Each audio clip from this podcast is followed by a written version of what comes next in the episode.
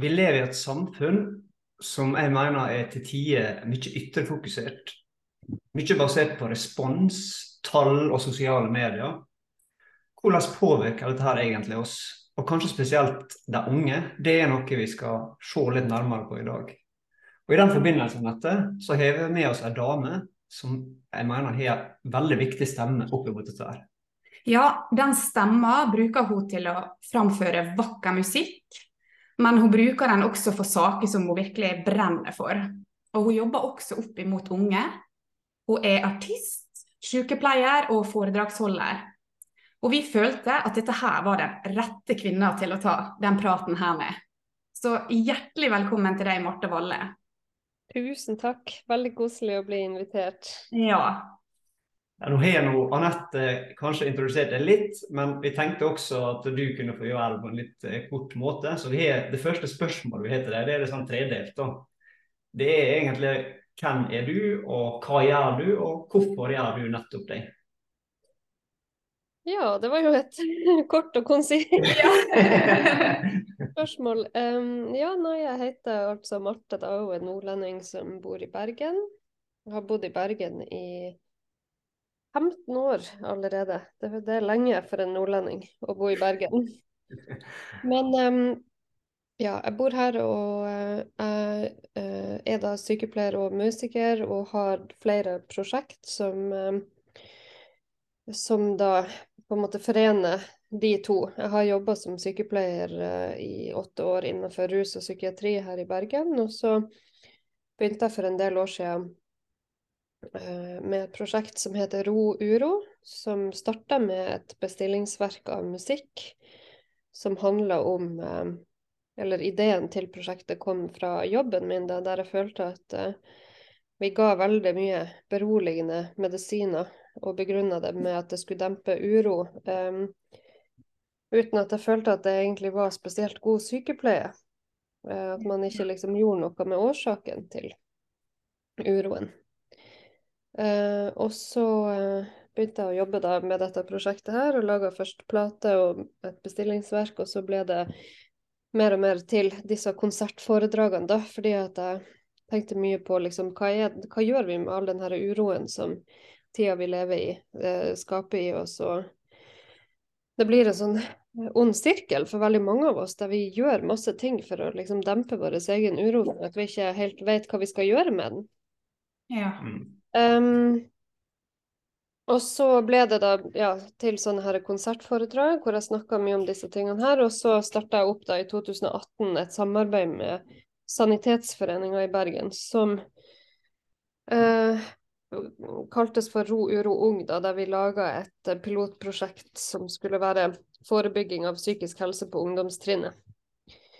Så siden da så har jeg da vært på uh, ja, snart 80 skoler i Vestland fylke og møtt mange tusen ungdommer og foreldre og lærere. Og snakka om psykisk helse da, med utgangspunkt i, i disse tallene fra Ung data-undersøkelsen, som liksom skaper de her store oppslagene hvert år med tallene på psykisk helse hos unge som går i feil eh, retning. Ja. Ja. Men jeg gjør det fordi at Eller det som driver meg, er jo at um, er sterkt bekymra for at vi er i ferd med å som, sykeliggjøre mange av de tingene som egentlig er ganske sånn naturlige reaksjoner i oss på tida vi lever i. Og at når vi skal snakke om psykisk helse, så må vi heller snakke om samfunnet vårt og eh, hvordan de her verdigrunnlaget liksom, for det å være menneske, hvordan det endrer seg. Um, fordi at Det som jeg tror er mest skadelig, det er liksom dette at psykisk helse er noe som individet går rundt og tenker at de skal Eller at man skal være flink til å mestre alene. Mm. Uh, og psykisk helse har aldri vært noe som individet klarer å håndtere på egen hånd, fordi at vi er så innmari avhengig av andre. Ja. Ja. Uh, og at dette fellesskapet, følelsen av å være viktig i et fellesskap, er noe Altså de arenaene for det blir færre og færre, da. Ja. Uh, og jeg er tenåringsmor sjøl, og jeg syns det er veldig, veldig vanskelig. Uh, fordi at samfunnet på en måte er ikke der lenger for å hjelpe til, liksom, i oppdragelsen av ungene. Eh, i den, i, når så mange av disse fellesskapsarenaene blir borte, da, og at veldig mye handler om at det er liksom individet som skal optimalisere seg sjøl og sitt. Ja, og dette her er jo veldig litt kjerna av det vi har litt lyst til å prate om i dag. Da. For det var jo litt det han Terje sa innledningsvis, da, at det er så masse på en måte ytre fokus. Og ja, fokus på tall. sant? Hvis, bare se på et TV-program, du blir presentert med antall følgere. Mm. Og det handler om hvor masse respons fikk du. Har du fått likes? Eh, det er prestasjon, og vi syns dette her på en måte er en litt skremmende utvikling. Og hva du tenker på en måte dette her gjør med oss? Nei, jeg tror det er mange Det er mange ulike lag med dette, men, men jeg, for min del så eh, mister jeg jo litt sånn Altså, det er mange ting jeg er bekymra for i det, som, i det der digitale livet som vi lever da. Det ene er jo liksom den eh, enorme, enormt høye frekvensen av hvor mye vi sammenligner oss med andre, som jeg tror, jeg tror at, at, på sikt gjør at vi mister litt sånn kontakt med egen identitet. Ja. Fordi at egen identitet blir ikke bygd på at man hele tida forsøker å bli noen andre enn den man er, men det handler jo om at man skal bearbeide inntrykk og sånn for å finne hva er det som resonnerer best med meg sjøl. Ja. Um, Og verdier, sant. Mm. Ja, verdier. Og den tror jeg, jeg tror at akkurat den der indre identiteten blir litt sånn vanskeligere å holde fast i. Eh, I all den tid at oppmerksomheten vår hele tida eh, skifter fra eh, disse visuelle eh, inntrykkene som vi får, da. Ja. Eller ungdommene får. Mm. De er jo primært på sosiale medier på telefonen som er veldig visuelt basert, altså TikTok eller Instagram eller Snapchat, der det er veldig mye bilder og videoer. Ja. Mm. Og hjernen, selv om hjernen liksom vet det, at mye av det man ser og sånn, kanskje de rasjonelt sett vet at mye av det ikke er virkelig og ekte og sånn, så, så hjelper ikke det, fordi at hjernen fungerer ikke sånn. Den fungerer sånn at man Hvis man sammenligner seg med noe som ikke nødvendigvis er virkelig, men, men man automatisk eh, tenker at oi, jeg er ikke god nok sammenlignet med denne personen, eller Ja. prestasjonen til denne personen, eller kroppen, eller utseendet, eller livet til dette mennesket, så har jo det gjort noe med hva vi tenker om oss sjøl. ja, for det, det er jo dette der at eh, hvis jeg knytter verdien sin opp imot det, sant. Mm. Tall har jo ingenting med verdien din å gjøre. sant? Mm. Nei. Men det er jo litt eh, det mange kanskje gjør, og den sammenligninga som du sier, som er så usunn. Mm. Ja, og det er jo ikke det. altså Mennesker har jo liksom alltid sammenligna seg med andre, men nå er det på en måte noe helt annet. Og um, Mm. Ja. ja, det er litt du sier også. Det er noe, det er noe kanskje blir vanskeligere og vanskeligere å skille det reelle og det ekte liv med alt som skjer i disse, på disse ulike plattformene. mm, Ja, det må jeg kreve. Og så kanskje det også at du hele tida føler at du må være pålogga for Mm. å aktivt få med delta. seg, sant? Ja, Ja. få med deg det som skjer. Hvis ikke du er pålogga, da går du glipp av, eller kan gå glipp av. Og når du har vært rundt og hatt eh, alle disse foredragene her, hva har du på en måte erfart eh, dette her påvirker den psykiske helsa, og da kanskje spesielt i forhold til unge voksne? Uh, tenker du på sosiale medier? Ja. ja, i forhold til dette her med alt det med rundt med sosiale medier, at vi må hele tida være pålogga. Altså vi på en måte evner Det er vanskelig på en måte å beholde seg sjøl oppi dette. her. Mm. Søken etter bekreftelse og Mm. Ja, jeg, jeg tror jo at mennesker er veldig sammensatt, og at vi har behov for eh, mange forskjellige ting. Men først og fremst så har vi jo behov for å være sammen med andre mennesker, at andre mennesker speiler oss og øh, Og em, det, er, det er vanskelig å si hvordan, altså, hva som blir konsekvensen av det, men jeg tror at veldig mange unge, hvis at de på en måte lever mer digitalt og kommuniserer mer digitalt enn at de er ute og blir speila av andre mennesker. ja. Eh, Mm. Litt sånn som vi så under pandemien, og at det er jo en grunn til at det var veldig mange som sleit da. Mm. Men, men at ensomhet eh, og følelsen av ensomhet også handler om mangelen på å kunne klare å være til stede. Og at ensomhet også eh, er noe som kan komme selv om du Jeg ser jo sånn som på dattera mi, liksom, som kan godt sitte eh, på rommet sitt og kommunisere på Snapchat med vennene som er i to hus lenger ned i gata, liksom. Mm. Istedenfor å være sammen. Og det er så mye læring og kommunikasjon som, som, handler om kroppsspråk, og som handler om det å være fysisk sammen, da. Ja. Mm. Rett og slett det mellommenneskelige. Det er som empati og kroppsspråk og eh, Mm. sånne type ting. da. Og Ja. vi har jo møtt foreldre som sier at de, får ikke ungene ut av huset. da. Nei, det er veldig vanskelig, for det er så passiviserende. Stimulien derifra. Nei, det er kjempevanskelig, og dette er kanskje det som går aller mest igjen når jeg er ute og holder foreldreforedrag og sånn, det er jo hvordan skal man liksom håndtere det her med sosiale medier. Så jeg tror jo at veldig mange ønsker seg strengere regler, fordi at dette at foreldre blir etterlatt til seg sjøl til å liksom deale med det her, det er kjempevanskelig. Og så er det noen foreldre som er liksom veldig på, som er veldig bekymra og sånn, og så er det veldig mange foreldre som gir seg fullstendig F i Mm.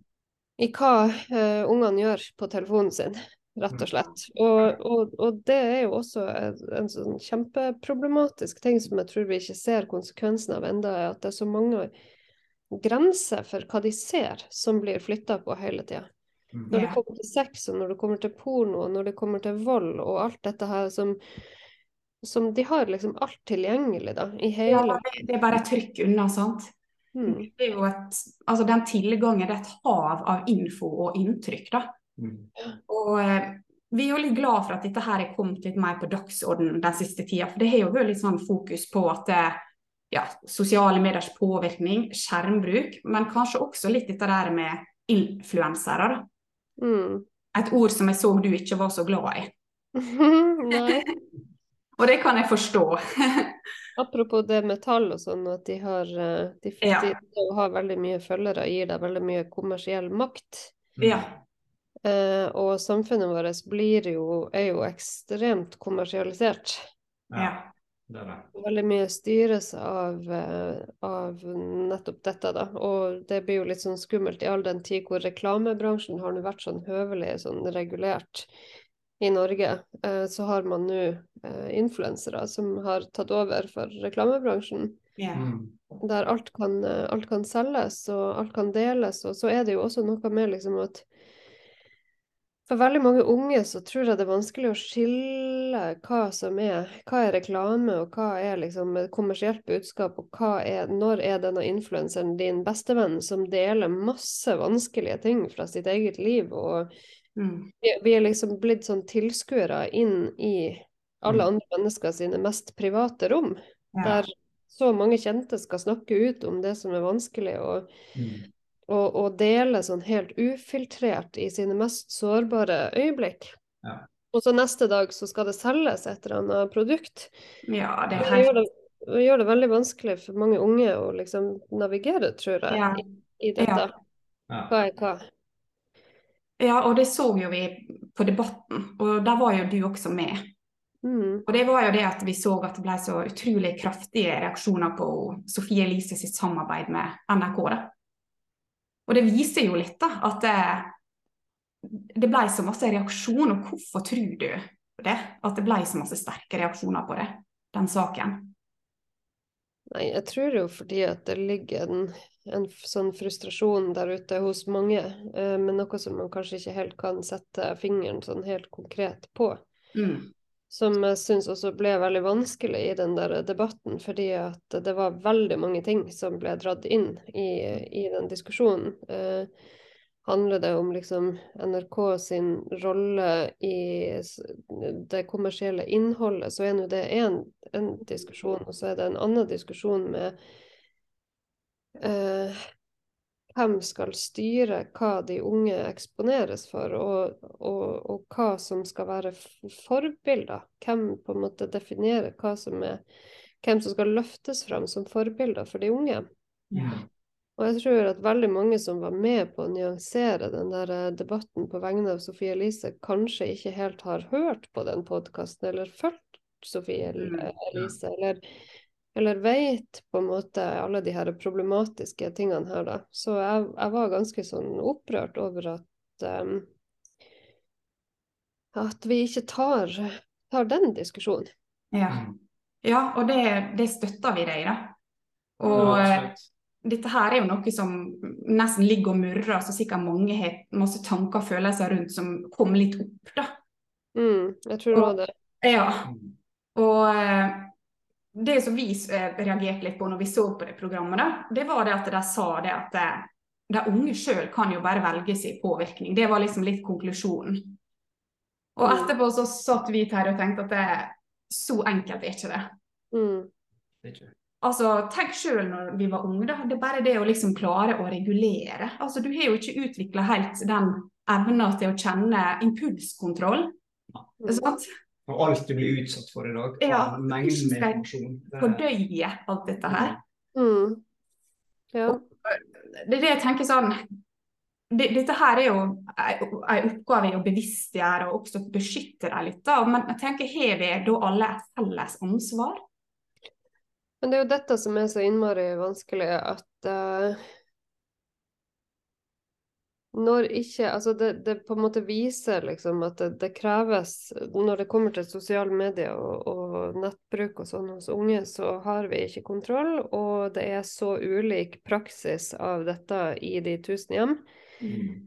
Det er noen foreldre som er veldig bekymra, tror jeg, og veldig, liksom, prøver å være veldig på, men det er en enormt ensom jobb Ja. Og skulle være den der forelderen i en klasse eller i en vennegjeng som prøver å sette grenser når absolutt alt av kommunikasjon nesten foregår inne på den telefonen. Mm. Uh, og jeg jeg tenker liksom i fremtiden så kommer vi til å se på det her som vi tenker på unger som sitter i baksetet på 70-tallet uten sikkerhetsbelter, og foreldrene sitter og røyker i Ja. Og Vi er mange som har en sånn sterk følelse av at dette er ikke bra. Mm. Uh, og det er så mange konsekvenser av det. Um, at det må reguleres. Men jeg tror at det kommer til å dessverre gå altfor langt før at uh, noen gjør det. ja. Og jeg kunne tenkt meg at det kom eh, 16 år, eh, 16 års aldersgrense på alle sosiale medier fra i morgen av. Jeg kunne tenkt meg det, fordi at jeg ser så mange eksempler rundt på ungdomsskolene at de er ikke modne nok. De er ikke modne nok til å håndtere det. De har ikke Og, og, og det kan den, De der tenårene liksom er De er så viktige for ut, utviklinga av hjernen. Mm. Ja. Hvis at du, som veldig mange niendeklassinger jeg spør, så har de skjermtid mellom fem og syv timer hver eneste dag. Ja. Ja. Og, og, og det er liksom, hva det gjør med en hjerne som er i utvikling, som er så ekstremt avhengig av menneskelig kontakt, Ja. det, det vet vi ikke. Nei. Jeg snakker med, med litt flere lærere også. De, de også. Det jeg får høre fra dem, det er at de føler at det ansvaret for å følge opp dette blir litt dumpa over på dem også. Kanskje samfunnsansvaret. Uten at de er Kompetansen. ja, Eller ressurser. For de så skal jeg være psykologen i klasserommet, sant? De, har ikke, de kan ikke ta på seg alle rollene. sant? Men de Mm. ser jo at det er et enormt behov. Mm, ja. ja da, og, og det er mange konsekvenser av det her, og det er jo liksom sånn eh, Elevene er jo så trøtte eh, også at eh, de eh, klarer jo ikke Det er sånn vanlig problemstilling, altså at de, de sovner av. Eh, fordi at de eh, Altså søvn er jo problematisk i puberteten allerede, men så forverrer den seg så voldsomt av skjermbruk. da. Ja. Ja. Ja. Mange foreldre gjør det de kan for å klare å begrense det, og mange foreldre er veldig bekymra, meg sjøl inkludert, men det hjelper ikke så lenge man ikke har et regelverk å støtte seg til. Mm. Det er som de lærerne du har snakka med, også er det samme inntrykket jeg har, at um, skolen, eh, fordi at vi har også en generasjon med foreldre som ikke tar skikkelig foreldreansvar, Mm. så, så skal Mm. skolen ordne opp i veldig masse. Ja. Ja. Men jeg tror også det handler liksom om at uh, Fordi at det er veldig mange av eh, ungdommene, og kanskje spesielt i den her eh, ungdomsskolealderen, så ser de jo på veldig mye, og så har de veldig lyst til å bli liksom de der optimaliserte utgavene av seg sjøl. Og så tror jeg liksom at dette med at um, de har så mange valg, da, er Mm. noe som uh, også er med på å skape mye sånn uh, dårlig psykisk helse. Ja. Ja, så er jo det også mye fokus på dette der og hele tida skal bli bedre. Sant? Mm. Og det, det er sånn, kan ikke vi heller lære litt mer å være nok? Mm. Det, det syns vi er, er så viktig, da. Mm. Mm. Altså, det med sosiale medier det kan også føre veldig til dette her med sjøldyrking. At det Mm. blir veldig fokus på altså individet, altså meg, mitt. Det er det som blir kanskje fokuset utad. Tenker du da at samfunnet trenger mindre meg og mitt, og mer at vi tenker vi som et fellesskap? Ja, uten tvil. Mm. Jeg har jo forska masse på i, både på den ene og den andre måten, men jeg syns jo at spesielt en sånn studie fra USA er veldig interessant på det der, som viste at i 2010, så bare fra 2010 og utover, så eksploderte tallene på spesielt unge tenåringsjenter i USA når det handler om angst og depresjon. Ja. Og i 2010 var jo da iPhone kom med den første modellen med kamera så du kunne vende mot deg sjøl. ja. Og Og nettopp selfien ble introdusert. Ja. Mm. Og at uh, all sånn forskning på liksom mm, opplevelse av lykke og mening og sånn handler om tilhørighet.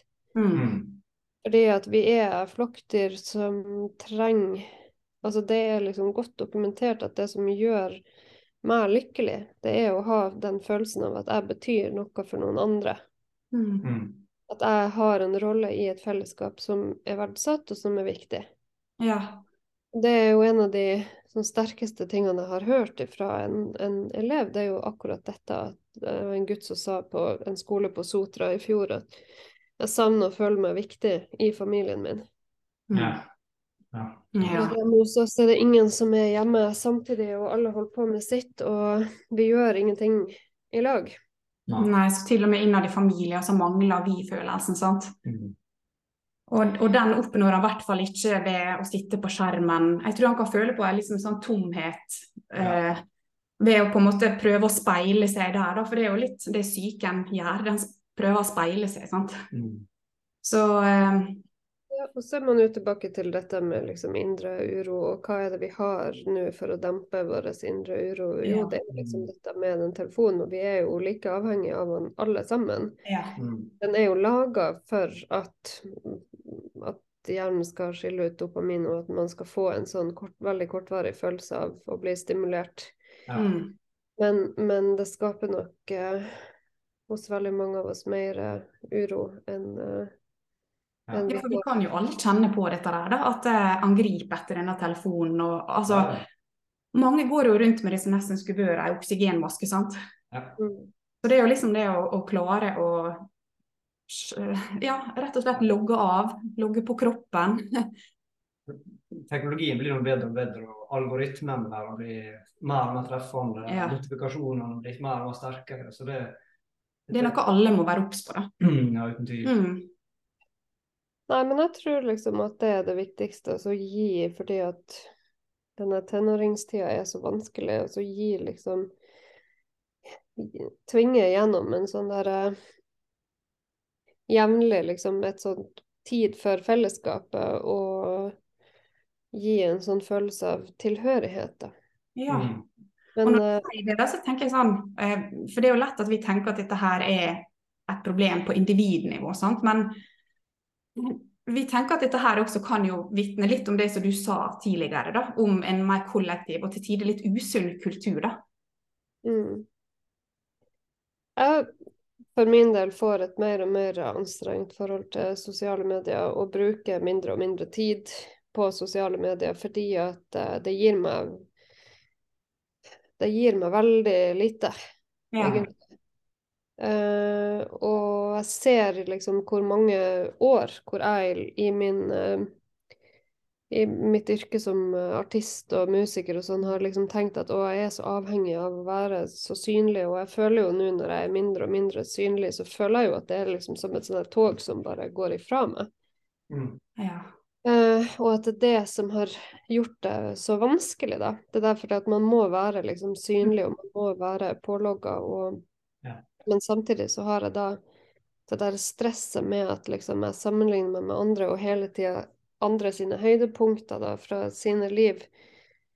Det har blitt litt borte nå når jeg liksom skjermer meg mer ifra det. Ja. ja, jeg kjenner igjen det du sier, altså. Men å skulle forvente disse refleksjonene ifra ungdommene, eh, det tror jeg er helt eh, Det tror jeg faktisk Jeg, jeg tror jo det er mange, det er flere og flere som tenker på det, og at eh, det er jo flere Det kom en veldig fin kronikk fra en 19-åring for noen måneder siden om at hun føler at liksom, sosiale medier og telefon har tatt ungdomstida hennes. Ja, ikke sant. Eh, men som forelder, selv om jeg har en sterk følelse av at dette ikke er bra og sunt, og jeg gjør det jeg kan for å regulere skjermtid og gi liksom motvekt til det, så er det Jeg klarer det ikke. Ja. Jeg klarer ikke å skjerme barnet mitt så mye som jeg skulle ønske. Nei.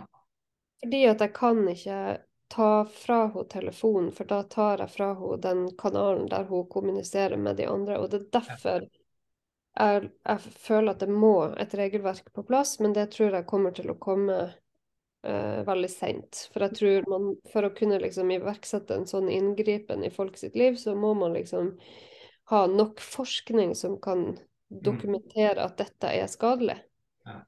Mm. Uh, så jeg tror Ja, så er det kanskje kontrast på, på en måte, vi som på en måte er, født inn i og vi er vant til å ikke ha eh, disse her mediene, men kontra den generasjonen som er kommet inn og blitt eh, Hatt det fra barnsbeina, Ja. sant? Ja. For De vokser opp med det. Ja. ja.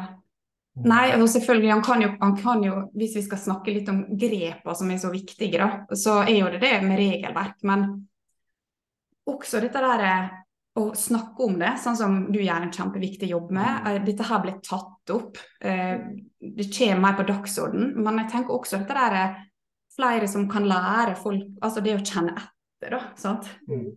Kontakt med, med følelser. eh, Får dette her med til å føle meg bra, dårlig. Og det liksom mm, Ja, avreagere. Mm. Ja. Det det jeg tenker at man har, at man har som virkemiddel, det er nettopp det å ta de samtalene med som, Hvordan føles det? Mm. Hvordan kjennes det når du eh, når du bruker veldig mye tid på disse tingene her. Og sånn spesielt som bekymrer en gruppe som går mye under radaren, det er jo guttene. Fordi at man tenker at liksom kroppspress og spiseforstyrrelser og sånn, det er noe som hører tenåringsjentene til, men det er det virkelig ikke. Det er, altså, så, det, det er så mye eh, innhold som handler om det å bygge kropp og, og trene riktig og spise riktig for å, for å bygge en viss type kropp som disse unge guttene bombarderes med. Mm. Det er en, det er en kjempe, kjempeutfordring fordi at det er så uregulert. Ja. Mm.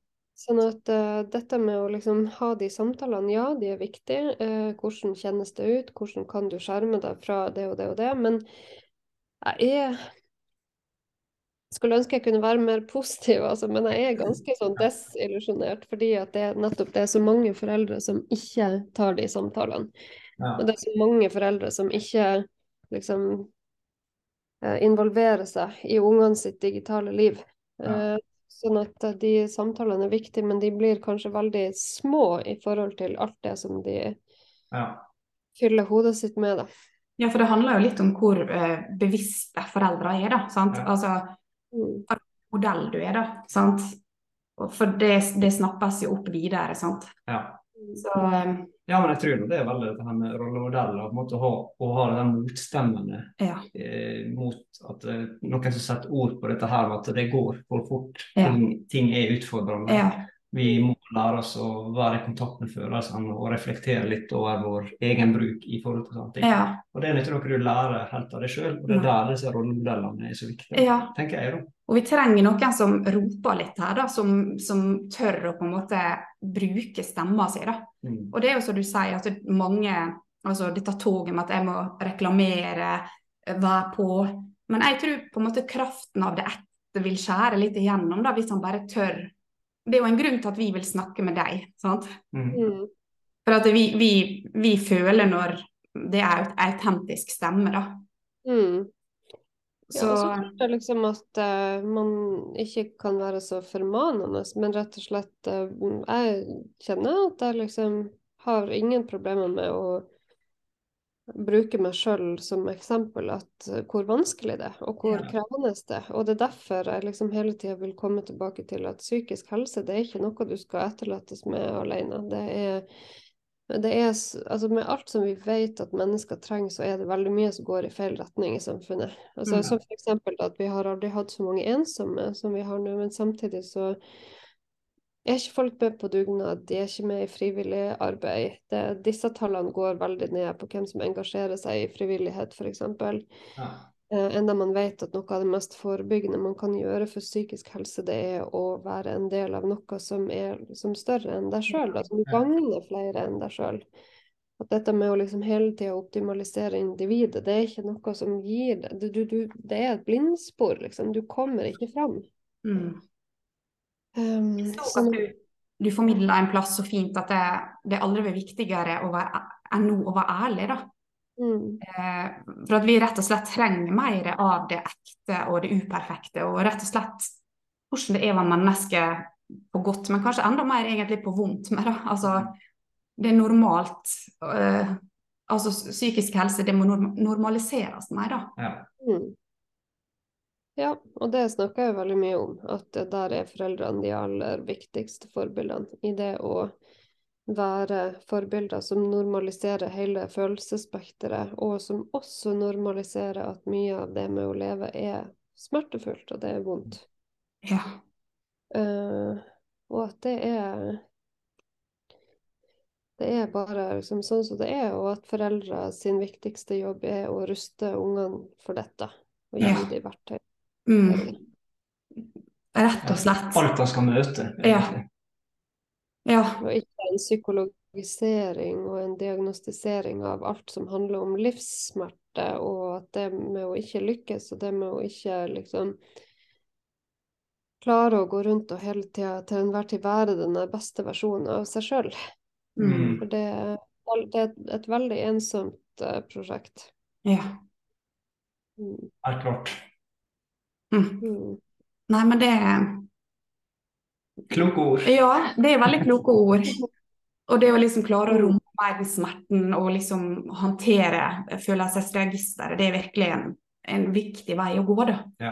Å bygge mer altså resiliente ja. mennesker. Ja.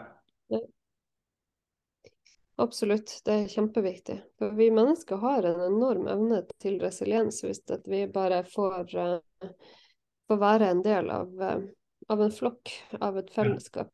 Så har Ja. vi evnen til å tåle ganske mye. Mm. Ja. Ja.